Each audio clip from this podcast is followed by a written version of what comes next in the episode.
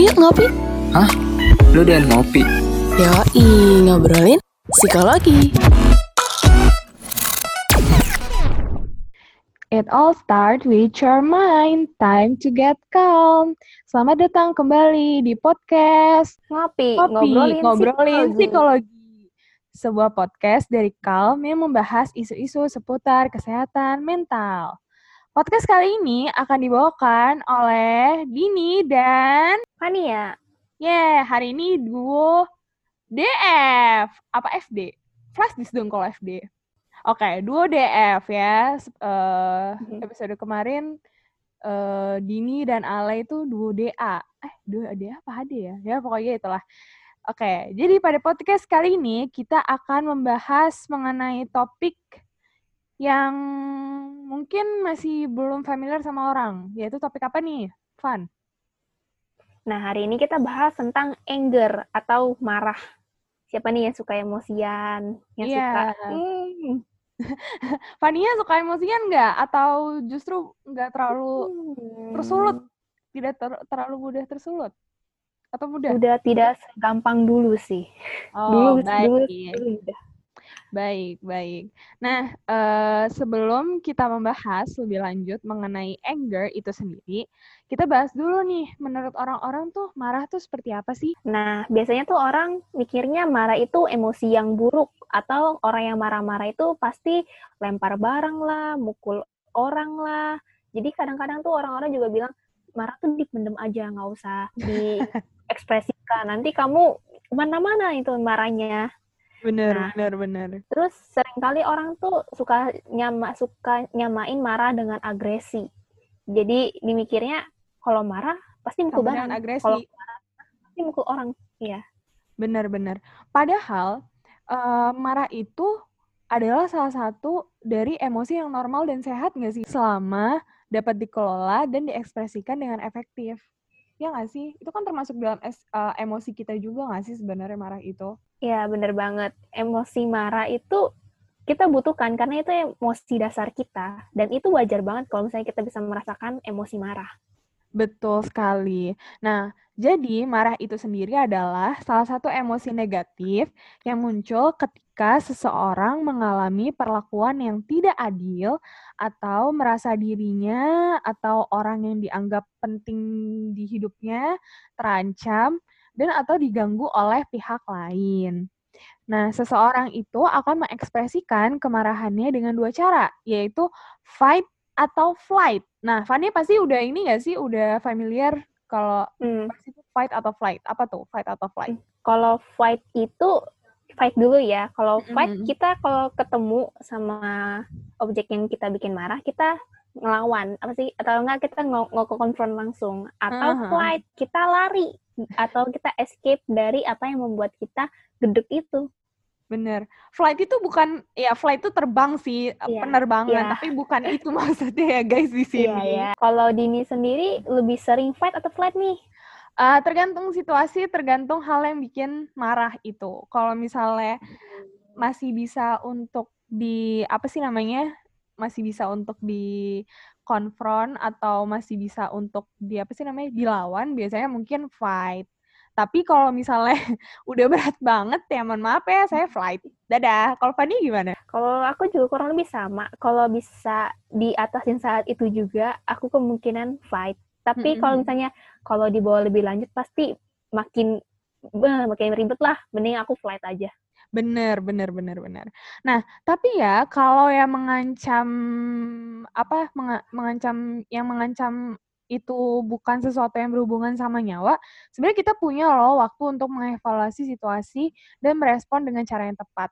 Nah, seperti kalau di drama yang sekarang aku lagi nonton nih, dan kayaknya mungkin Kalmer semua juga pada nonton, eh, itu di drama It's Okay Not to Be Okay, salah satu tokohnya yaitu Gang Tae, itu selalu bilang sama eh, dua tokoh lain itu Munyong sama Sang Tae.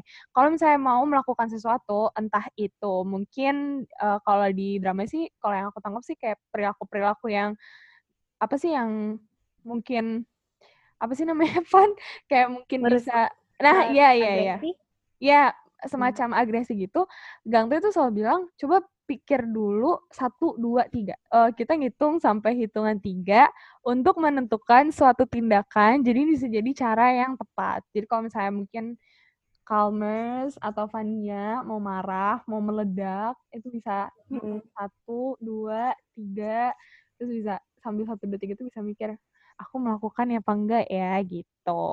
Selain itu juga, marah ini bisa disebabkan oleh hal-hal yang membuat frustrasi dan murka. Nah, frustasi itu sendiri adalah emosi campuran marah, kesal, dan kecewa.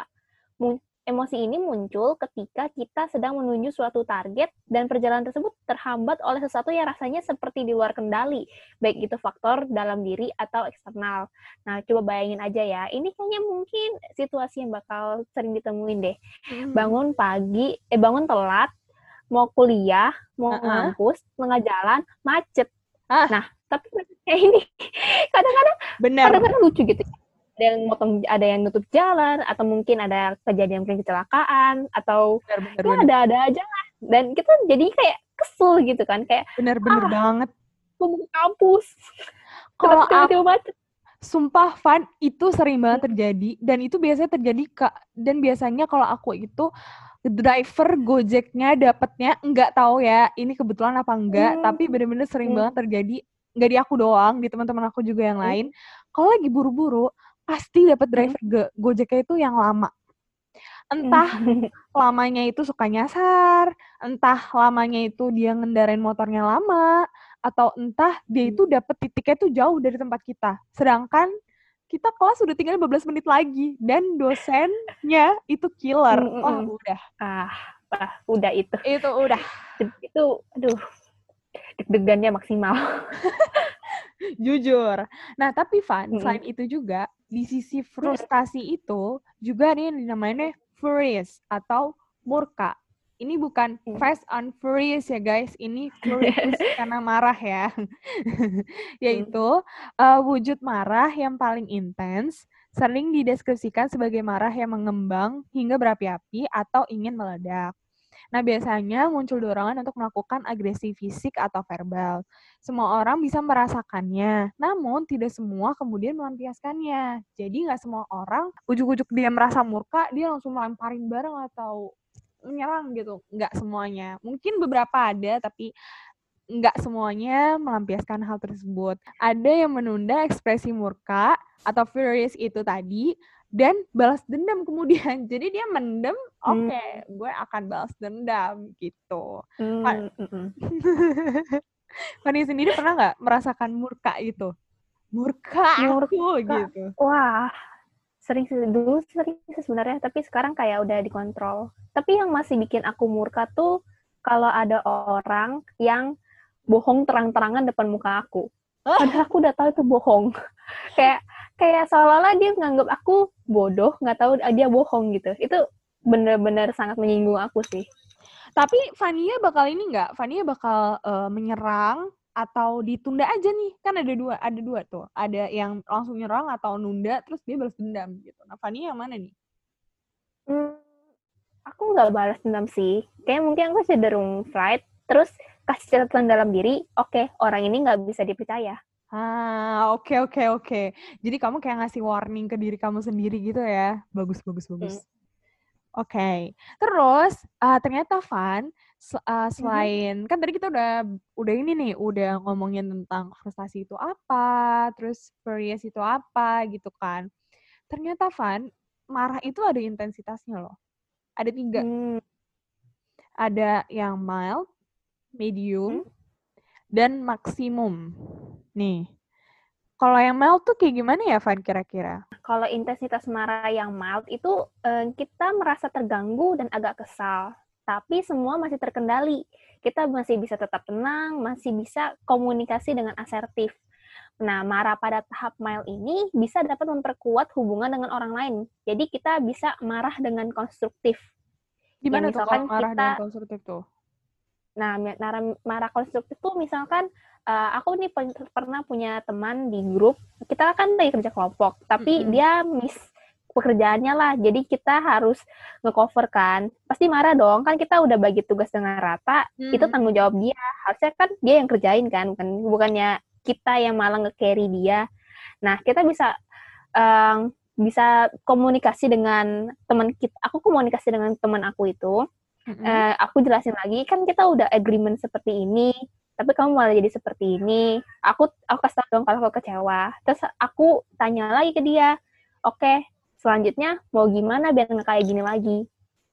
Oh, gitu sih. Jadi makanya kan tadi dibilangnya memperkuat hubungan. Bisa aja kan hubungannya yang tadinya renggang jadi baik gitu kan. Apa sih hmm, kayak dikomunikasiin gitu nggak sih, Van? Iya ya, dikomunikasiin. Jadi nggak asal ah lu nggak bisa diandelin emang kan orang tiap orang punya circumstance ya. Kita kan harus memahami dulu. Betul, betul. Nah, selanjutnya intensitas kemarahan itu yang kedua adalah medium. Nah, medium ini adalah diartikan marah yang udah sangat sebal. Jadi udah di atasnya mild nih. Tapi lebih milih diem atau menghindar atau flight. Nah, merasa butuh distraksi supaya marah tidak meningkat. Kalau dilampiaskan bentuknya ngambek. Ini sering banget, banget, banget kayak semua orang mengalami intensitas kemarahan yang medium ini. Karena biasanya, hmm. contohnya, hmm. misalnya kita uh, punya teman gitu ya, terus kita udah janjian nih, jam segini uh, gue jalan ya, lala dan segala macam. Eh, jalan ya, jam segini kita uh, besok hari ini kita ketemuan ya, gitu misalnya gitu kan. Terus waktu hari H kita udah ucuk-ucuk di mall, udah nyampe di tempat uh, ketemuan itu, Habis itu ternyata kita udah nunggu dua jam muter-muter mall, teman kita bilang, sorry gue lupa. Terus sekarang gue lagi ada oh. ja, gue gue lagi di sini sama ini. Itu kan kita wah kesel kan, sangat sebal. Bete banget. Iya iya betul banget. Sudah bilang sangat sebal, bukan? Itu udah termasuk sangat sebal. Tapi lebih milih hmm. untuk diem atau menghindar. Akhirnya karena kita udah kesel, kita ngediemin aja chatnya dia. Padahal kita pengen marah tapi kayak udahlah pendem aja. Ah, berharap semoga dia mengerti bahwa aku itu ngambek. Ya bener, bener banget itu.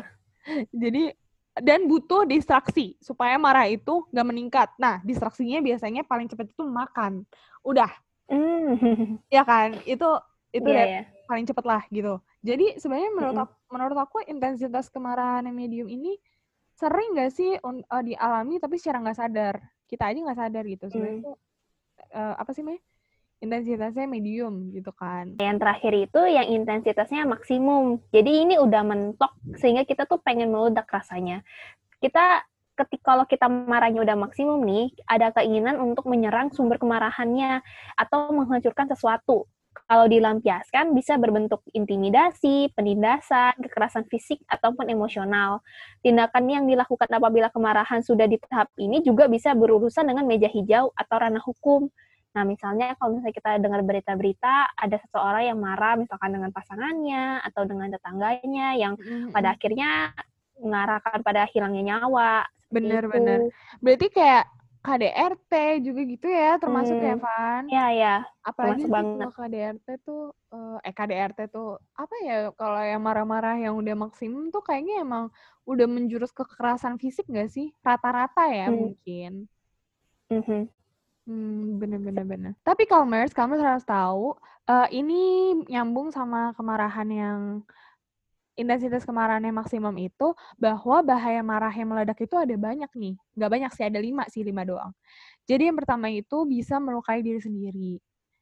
Jadi mungkin hmm. instead of kita ngelukai orang lain, kita lebih memilih untuk melukai diri kita sendiri. kayak gitu. Atau misal kita teriak-teriak nih ke orang, tenggorokan kita sakit.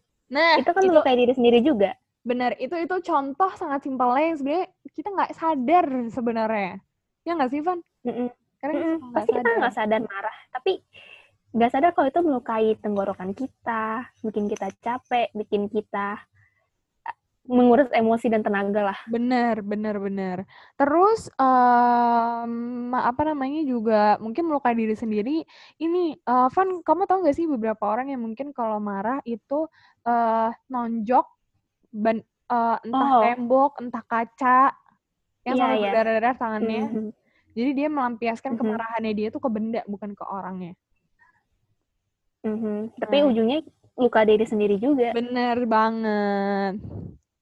Nah, terus yang kedua itu menyakat, menyakiti orang lain. Udah jelas lah ya ini ya, meledak Hmm. tadi ya. Di maksimum kan tadi udah dikasih tahuin bisa sampai ke meja hijau gitu. Terus selanjutnya ada apa Mhm. nih, Van? Selanjutnya itu merugikan berbagai pihak. Nggak cuman misalkan kamu marah-marah dengan orang lain, mungkin kamu jadinya membentak atau jadi melukai.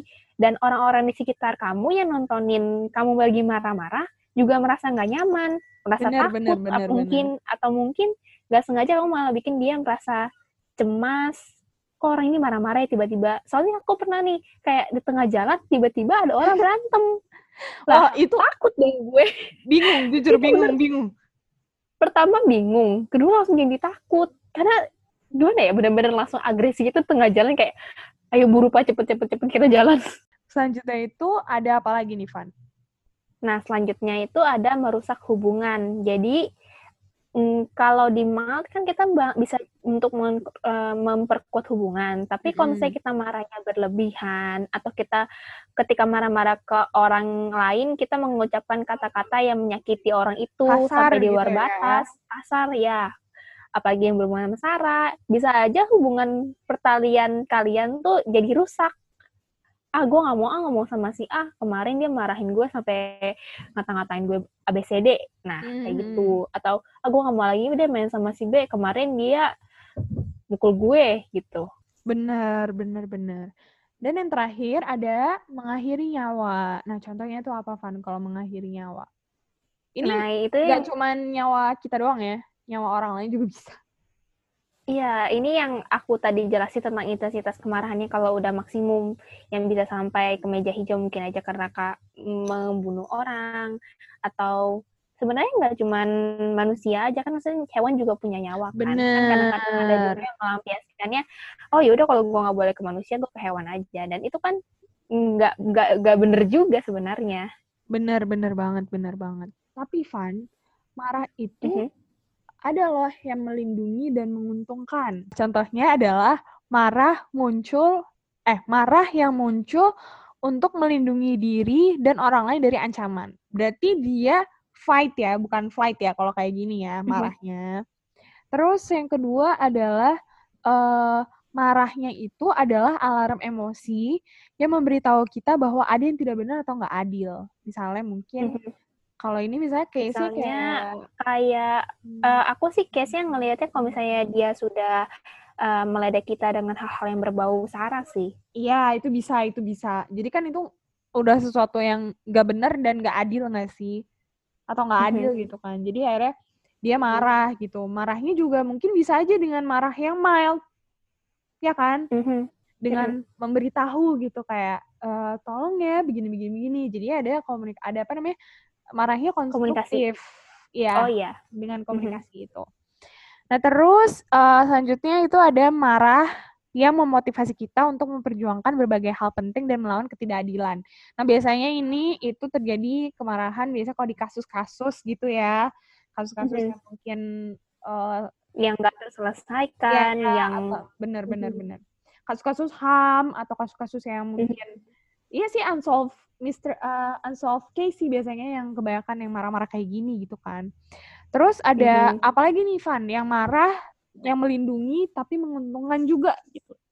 Nah, marah itu juga lanjutan dari dari yang apa yang Dini katakan tadi, marah itu Hmm. mendorong kita untuk berani melangkah dan mengambil aksi nyata. Jadi misalkan kalau ngambil dari kasus-kasus yang unsolved itu, misalkan kasus ya kamu mungkin tahu lah kasus HAM yang udah terkenal itu yang Munir, Iya, selalu ada unjuk rasa. Benar. dan mereka kamisan gak sih? Hmm, kamisan. Iya. Selain itu, marah juga memberikan kita energi untuk memecahkan masalah dan mencapai target. Ini berhubungan dengan marah yang konstruktif yang sudah kita jelasin tadi. Nah, Benar, benar, benar. Selain itu, marah juga mengajak kita semakin mengenal diri dan memulai mengembangkan diri. Kenapa? Soalnya, baik lagi, yang membuat kita marah itu kalau misalnya ada sesuatu yang uh, di diri kita atau yang penting buat diri kita tuh terancam.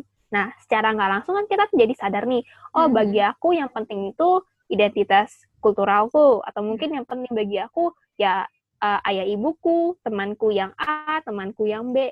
Nah, seperti itu. Nah, terus apa lagi nih, Din, yang terakhir? Nah, yang terakhir ini berkaitan juga nih sama yang tadi Fanny udah jelasin, yang bisa mengenal diri dan mulai mengembangkan diri, yaitu marah itu juga bisa uh, mungkin juga bisa meningkatkan kecerdasan emosional. Nah, kecerdasan emosional ini mungkin lebih kayak ke ini kali ya, Van. Uh, ini berhubungan sama yang uh, memotivasi untuk memperjuangkan berbagai hal penting. Jadi kita secara nggak langsung belajar untuk berdebat gitu kali ya, Van, untuk membela. Um, Ya, itu juga bisa.